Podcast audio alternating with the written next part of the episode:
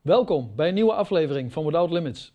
Matthäus 19, vers 26 zegt: Bij de mensen is het onmogelijk, maar bij God zijn alle dingen mogelijk. We hebben een God, Without Limits. Bij mij in de studio vandaag weer Hans Achteres. Hans, van harte welkom bij Without Limits. Dank je Henk. We zijn bezig met een serie Bijbelstudies over de wonderen van Jezus. We hebben er al negen behandeld. En vandaag de tiende aflevering over de wonderen van Jezus. Waar gaat het vandaag over?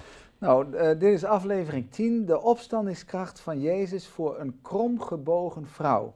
Ja. En uh, zeer interessant. En ik denk dat het goed is om weer, zoals we gewend zijn, te lezen. Lucas 13, vers 10 tot en met 17. Lucas 13, vers 10 tot en met 17. Er staat boven een genezing op Sabbat. Vers 10. Hij was bezig te leren in een der synagogen op Sabbat. En zie, er was een vrouw die reeds 18 jaren een geest van zwakheid had en verkromd was en zich in het geheel niet kon oprichten. Toen Jezus haar zag, sprak hij haar toe en zeide tot haar: Vrouw, gij zijt verlost van uw zwakheid.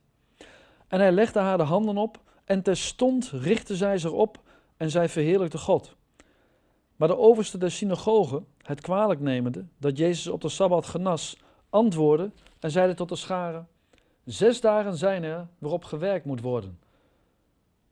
Kom dan om u te laten genezen en niet op de Sabbatdag.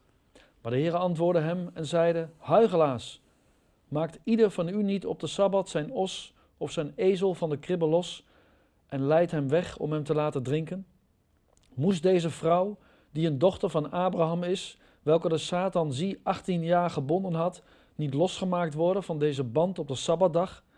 En toen hij dit zeide, schaamden zich al zijn tegenstanders en de gehele schare verheugde zich over al de heerlijke dingen die door hem geschieden.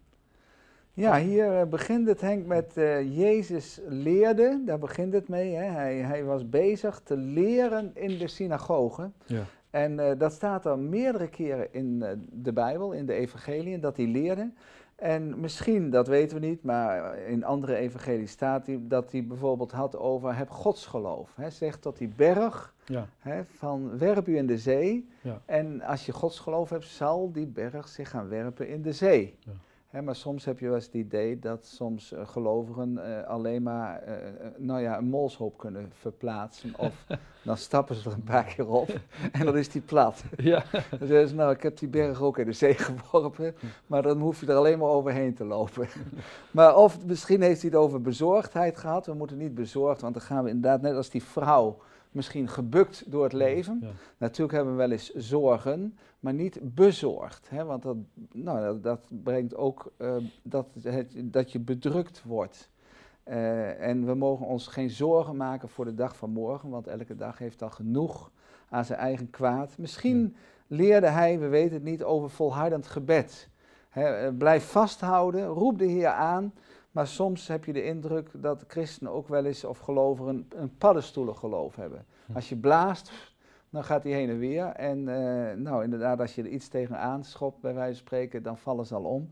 Dus, maar dat de Heer zegt, hou vast. Misschien heeft hij het uh, gehad toen hij leerde over dat we onze vijanden moeten liefhebben. He, dat is ook al een kunst op zich, of een genade die je moet ontvangen. Dus we hebben hem nodig om goed door het leven te gaan. Want soms hebben we wel eens dat je denkt, hé, hey, daar heb ik moeite mee. Misschien heeft hij het gehad over ja, dat je niet te gauw verkeerde dingen over een ander moet zeggen. Uh, ik noem maar wat, je denkt sukkel en, en nog erger. Want hij zegt, als je dat zegt, dan ga je al de eerste stap zetten, zegt Jezus, op weg naar een moord. Ja. Als je al verkeerde dingen zegt hè, of denkt. Nou, uh, maar hier lezen we dan over een vrouw die uh, thuis natuurlijk was, een, een kromgegroeide vrouw. En ze heeft natuurlijk gehoord dat Jezus in de synagoge was. En dat had haar hart en haar liefde. En ze gaat op weg. Hè. Eh, staat ergens in Psalm 122. Ik was verheugd toen men mij zei: laten we naar het huis van de Here gaan. Nou, deze vrouw, die, haar motief, vermoedelijk, dat weten we niet, maar ze wil misschien leren, leren van de Here, wat hij te zeggen heeft. En ze wil zijn licht ontvangen. En misschien kan het wezen dat ze in het bijzonder zijn genezing wil ontvangen. Terwijl ze natuurlijk al 18 jaar dat had. En, want God kan ons boven verwachting helpen. Dat kan. wanneer je inderdaad naar een dienst gaat waar de Heer centraal staat, dan komt er ook geloof en liefde in je hart. Dat je denkt, God, u bent nog steeds dezelfde. Bij u is niks onmogelijk. U kan mij of ons boven verwachting helpen. Ja. En ondanks haar last en pijn gaat ze op weg naar de synagoge. En uh, ze ziet nooit, zoals we weten, witte wolken en blauwe lucht, zoals wij dat gewend zijn. Maar, en ze kan God ook niet verheerlijken. Uh, er staat in Psalm 38, vers 7: Ik ben gebogen, zeer diep gebukt. Nou, als, als wij een beetje ons voorstellen hoe ze door het leven ging, dan moeten we zo voorstellen dat ze zo door het leven ging, net als een soort dier, maar dan nog erger, net als een soort kip. Ja. Zo. Hè? Dus je kunt inderdaad niks zien en je kijkt altijd maar naar de grond en je kijkt altijd, om het zo uit te drukken, naar jezelf. En ze heeft de neus bij wijze van spreken op haar schoenen. Zo erg. Ja, 18 jaar lang. Dus een soort tweede natuur was het van haar geworden. Dat zij inderdaad wist van, nou, ik zie niks, niks voor me, ik zie niks boven me. Maar ze ging naar de synagoge om God, om het zo uitdrukken, te verbijten. Om het van hem te verwachten. Om zich toch, ondanks dit, te verheugen in wat de Heer uh, ja, wil doen en kan doen. En als je nou zo gebukt gaat hè, door het leven, zou het dan ook niet zo kunnen zijn dat je dan zeg maar een negatief zelfbeeld krijgt of misschien zelfs wel een negatief godsbeeld? Nou, ik denk het wel, want, want je kijkt constant laag bij de grond. Nou, dat werkt al vernederend. En wat krijg je dan dat je denkt, nou, dat is de drukkende hand van God. dat is eigenlijk, God kastijdt mij.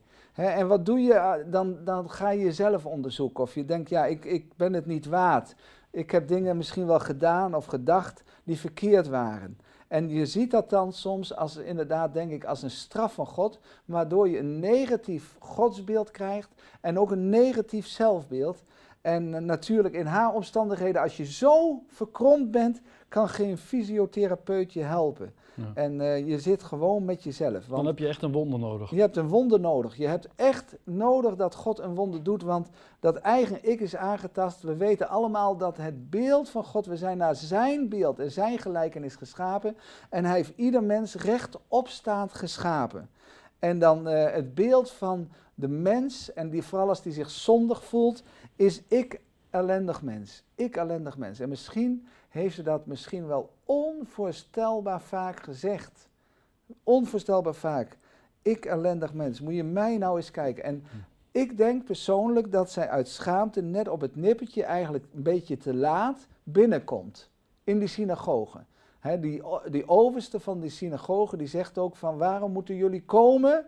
Eh, niet op een andere dag. Met andere woorden van, hij had dit ook goed waargenomen. Die vrouw zat daar niet al een uur lang, want dan zou je haar misschien nauwelijks in de bank kunnen zien, zo verkromd was ze. Maar vermoedelijk stond ze ook, eh, kwam ze laat en sloot zij zich aan bij anderen die misschien er ook al stond. En, en het was vrijwel zeker dat het heel vol was, omdat Jezus daar sprak. En ze sluit zich aan, dus dat zij niet vanaf de aanvang, om het zo uit te drukken, daar was. En terwijl Jezus leerde, en hij eh, onderricht gaf, zie je op een gegeven moment dat Jezus haar waarneemt. Jezus ziet haar. Jezus onderbreekt zijn onderricht. Dat vind ik geweldig. Hm. Dus Jezus ziet haar en Jezus wordt direct bewogen, ontvangt liefde voor haar. En, en hij ziet haar, hij kijkt haar vermoedelijk aan. Hij, hij houdt ook op met dingen te zeggen en hij wenkt haar. Er staat, en hij wenkt haar en hij riep haar tot zich. Dus zij komt schuifelend, deze onvoorstelbaar kromgebogen vrouw, schuifelend langzaam naar voren voor al die mensen, vlak bij Jezus. Je ziet dat wel vaker hè, in de evangeliën, dat er staat en Jezus zag. En vervolgens gebeurde er eigenlijk altijd iets positiefs. Ja, als Jezus ergens het vizier op heeft, hè, dat, dat gaan we straks uh, zien in de vertelling, als we dat ook gaan zien of horen over de tien melaatsen. En ook bij Zacchaeus. En we zien het hier ook weer. Dan staat er gewoon eenvoudig dat woordje. En Jezus zag. En hierbij ook Jezus zag haar. Maar als Jezus wat ziet, gebeurt er wat. Deze vrouw chronisch gebogen. Maar eh, normaal gesproken, om het zo uit te drukken, het aankijken niet waard. Maar Jezus ziet haar ogen. Jezus heeft haar in het vizier. Jezus inderdaad zag haar ogen en haar leed en haar verdriet en haar pijn en haar eenzaamheid en haar zelfreflectie, maar dan in negatieve zin. En noem maar op. En dat ze heel vaak heeft gezegd tegen haarzelf, ik ellendig mens, ik ellendig mens. En Jezus wist dat deze vrouw 18 jaar gebonden was door Satan. 18 jaar. Ja. Onvoorstelbaar lang. Uh, iedereen inderdaad uh, wist het die haar kende. Maar uh, niemand, maar dan ook niemand wist dat dit een gebondenheid was, een gebondenheid van Satan. Ja. En Jezus openbaart na 18 jaar hier wat deze vrouw heeft, wat er overkomt, is een gebondenheid van Satan. Ze hoeft, uh, de, als de Heer dan naar haar kijkt en haar wenkt, dan gaat er ook wat gebeuren. En dat zullen we ook zo natuurlijk nog verder gaan behandelen. Maar deze vrouw was, om het zo uit te drukken, gezien haar kwaal, gewend met een handvol medicijnen door het leven te gaan. Een diagnose, men, men noemt dat geloof ik in deze tijd de ziekte van Bechtere. Een verkromde aandoening. Maar Jezus zegt hier, wat deze vrouw heeft en is overkomen, hij zegt niet de oorzaak, is het werk van de boze. Zij heeft een geest van zwakheid. Ik lees dat even voor. En zie, er was een vrouw die reeds 18 jaren een geest van zwakheid had en verkromd was en zich in het geheel niet kon oprichten. Dus, dus ze was eigenlijk niet, zeg maar, bezeten van boze geesten, hè? maar ze was wel gebonden. Ja, we lezen in vers 16, Henk, moest deze vrouw, die een dochter van Abraham is, welke de Satan zich 18 jaar gebonden had, zie je dat? Dus hier zie je, ze was niet bezeten, maar ze was gebonden. Ze was vastgebonden. Ja. met, om het zo uit te drukken, met leren riemen. om, haar, om haar lichaam. En daardoor inderdaad natuurlijk ook vaak om haar ziel. want zo ga je dan ook denken. Eh, maar we kunnen duidelijk eruit opmaken dat ze niet bezeten was door tien boze geesten of door honderd. Of denk aan die krankzinnigen die we hebben ehm, behandeld door, door meer dan duizend boze geesten. Ze woonde in een gewoon huis, ze was gewoon gekleed, ze was gelovig, ze wou leren van God, ze kwam in de synagoge, ze had God lief. En ze kwam inderdaad gewoon daar naartoe, ook op haar wijze. En de mensen kenden haar. Ze, was, ze was wel apart, maar niet abnormaal. Ja. Ze was wel apart, maar niet abnormaal. Hans, en jij, ik wil even daarop inspringen, want jij, jij zei dat, hè? Van uh, zij was uh, gelovig. Hè? Dat, dat, blijkt ook uit het feit dat die staat hè, dat ze een dochter van Abraham was. Ja. Hè, dat betekent niet dat, dat, ze Joods was, maar dat ze gelovig was. En, uh, en toch staat er dat ze gebonden was. Dus zou je geeft dit eigenlijk ook antwoord op de vraag van kan een christen gebonden zijn? Ja, nou ja, dat is altijd heel moeilijk en dat is ook heel gevoelig en, en dat zijn ook hele precaire vragen. Maar ik denk dat het mogelijk is als waar iemand, laat maar stellen, kwaad worden is menselijk, maar kwaad blijven is duivels. Ja. Geldt ook voor een christen. Ja. Als iemand kwaad wordt, akkoord. Maar als iemand kwaad blijft en hij gaat haat ontwikkelen, dat kan. Ja. Dan staat er, dan heb je voet gegeven aan de duivel. En de duivel kan je op dat moment, bij langere tijd natuurlijk, zoals je dat niet echt van harte vergeeft, kan hij je binden. We zien het ook letterlijk bij uh, Ananias en Safira dat er staat dat de Satan een deel van hun hart had veroverd. En ze, wouden ze gingen de zaak bedriegen, ze wouden zichzelf mooier voordoen dan het was. Maar ja, dat is een gevaar. Dus deze vrouw is gebonden. Ze heeft geen honderd boze geesten. Ze schreeuwt ook niet, om het zo uit te drukken. Je ziet geen dwangmatige gedrevenheid. Je ziet geen raar gedrag. Je ziet geen vernietigingsdrang. ze wil eigenlijk, ze heeft God lief. Maar ze heeft een geest van zwakheid. En de Satan probeert altijd dat van God ehm, eh, te ontkrachten. Altijd God dwars te zitten. Want deze vrouw kon niet vrij en blij God verheerlijken. Want ze was gebogen. ze, ze, was gebogen. Eh, 18 jaar lang. En dan denk ik aan degene, u die kijkt. Misschien zegt u, ik heb ook al heel lang wat. Ik heb al heel lang een probleem. Mhm. Ik heb ook heel lang een kwaal. Maar dan zeg ik deze dag, ook duurt uw kwaal lang, toch moet u de hoop niet opgeven. Ook duurt uw kwaal lang. Geef de hoop niet op. Jezus kan inderdaad vandaag langskomen. Jezus onderbreekt. Jezus zegt, om het zo uit te drukken, houd moed. Je bent, als je hier kijkt naar deze uitzending, op mijn werktrein. Hier gebeurt het. Het geloof van, van jou, van u in mij, als de Zoon van God, zal beloond worden. Toch lijkt me, zeg maar, wachttijd hè, niet gemakkelijk. Deze vrouw was ook 18 jaar gebonden. Ja, dat is, uh, dat is altijd moeilijk. Uh, als wij iets van de Heer verwachten, of als wij het uh, zeggen, Heer, wilt u dit gebed verhoren, dan zijn er drie mogelijkheden. Ik zeg dat wel makkelijk, maar sommige dingen zijn gewoon moeilijk. Maar dan zegt hij, ja, ik verhoor het. Soms denk je, oh Heer, ik bad en u verhoorde het. Of u bad, ik bad nauwelijks of u het hebt het verhoord. Of na herhaalde gebeden hebt u het toch verhoord. Ja. Of de Heer zegt nee. die man, die krankzinnige, was totaal genezen. Hij was gezond, hij zat aan de voeten van Jezus, hij leerde en hij zei, Heer, mag ik bij u blijven? Nou, wat is mooier dan dat? Maar de Heer zegt, nee, je moet mijn getuige zijn. Je moet het gaan vertellen. Dus sommige gebeden worden niet verhoord. En soms zegt de Heer, wachten. Dus om kort te zijn, ja, nee, wachten. Uh, ik dacht even aan Petrus. Petrus, die snapte het allemaal niet meer die had misschien ook gebeden en eh, Jezus was weg. Hij was, uh, hij was opgestaan uit de dood en Jezus was niet meer lijfelijk aanwezig. En hij zegt, ik ga vissen. Wie gaat er met me mee? Staat er. Zeven andere discipelen gaan mee. Nou, dan, dan, ja, dan op een gegeven moment komt Jezus zo plotseling om de hoek. Hmm. en, en die zegt tegen hem van, nou, wijd mijn lammeren.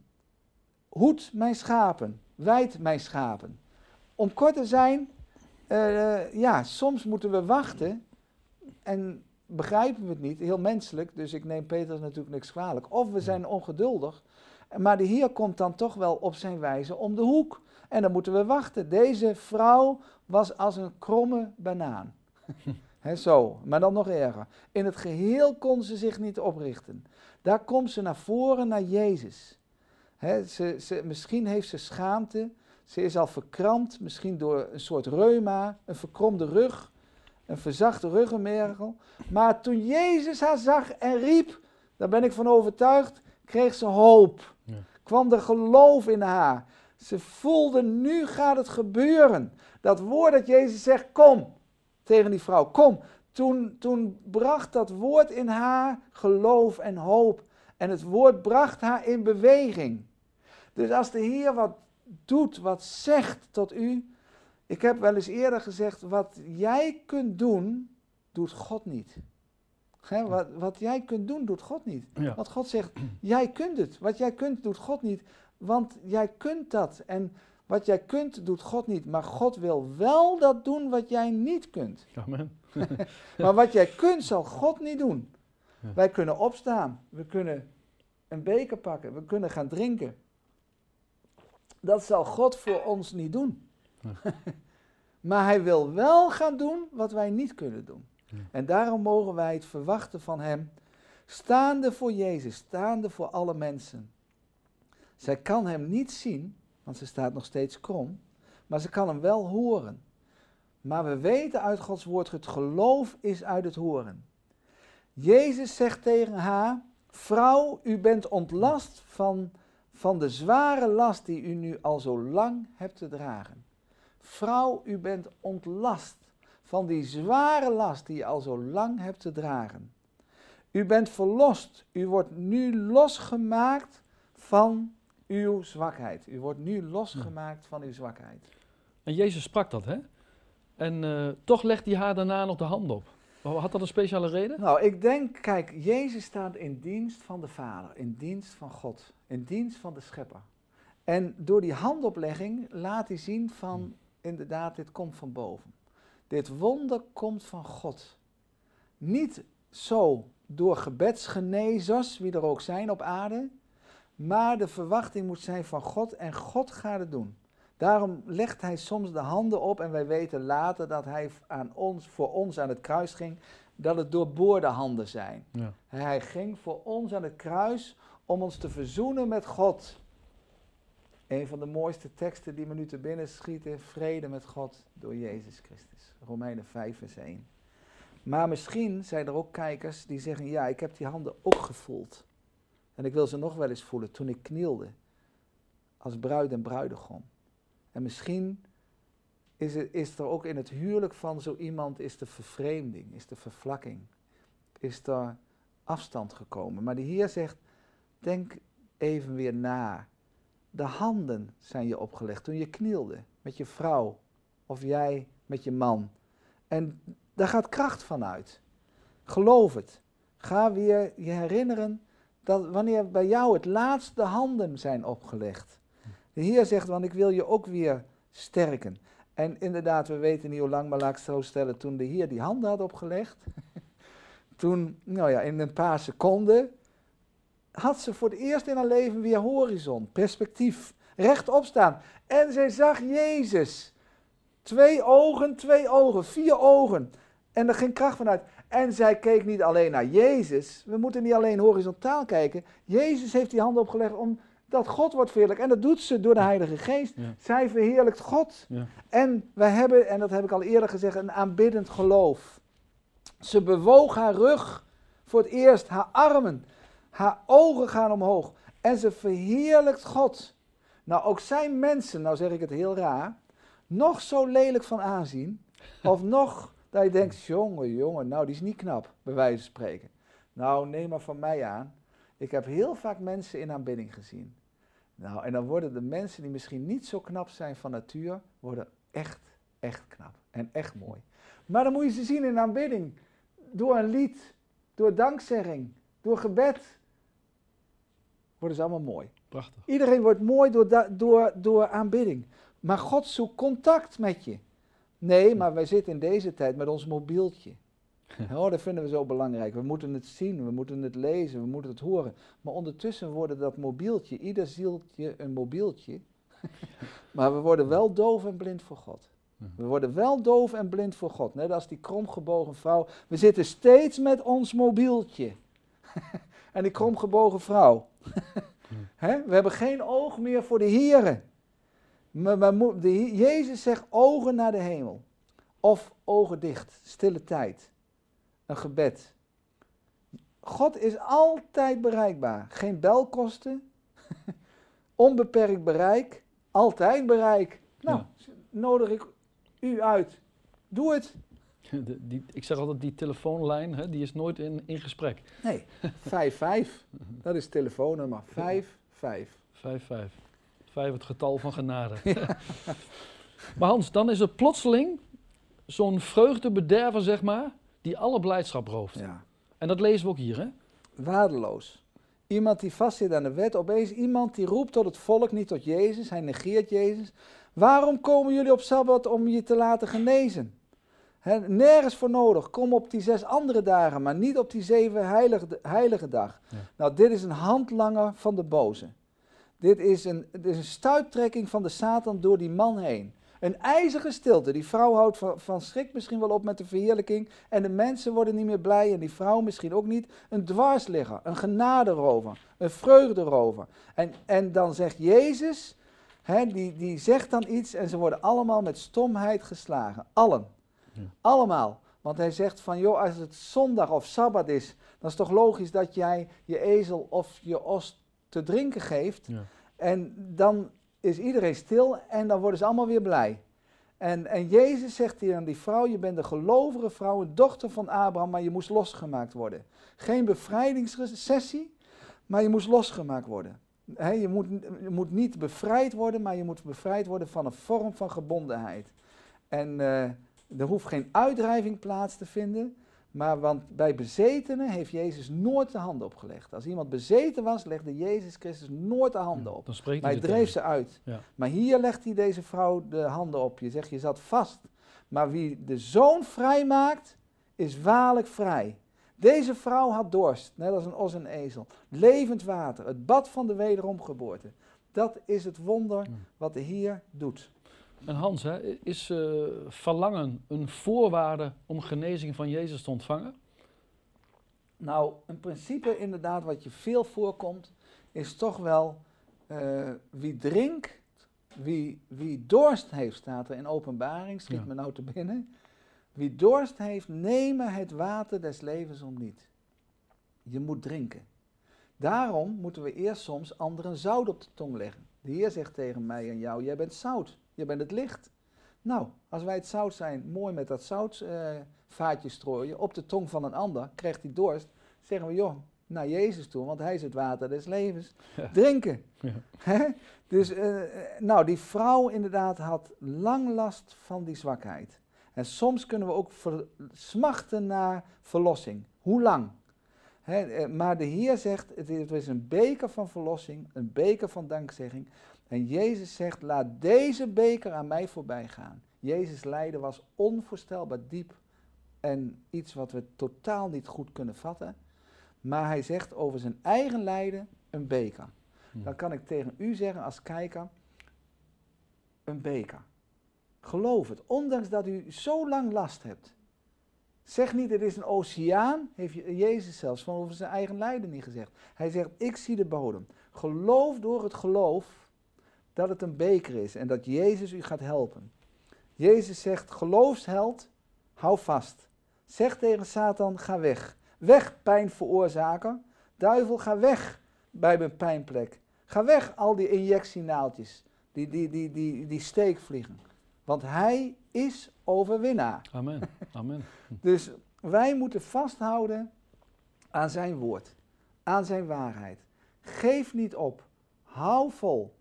Mijn ervaring is ook, de Heer doet alles met een bedoeling. Hij zal je niet in de steek laten. Hij, er staat ergens, een ieder die zijn vertrouwen op hem stelt, zal hij niet beschaamd laten uitkomen. Ja, amen. Amen Hans. Nou, dan kan ik alleen maar afsluiten met waar ik mee begon. Matthäus 19, vers 26. Wat bij de mensen onmogelijk is, is mogelijk met God. Amen. Amen.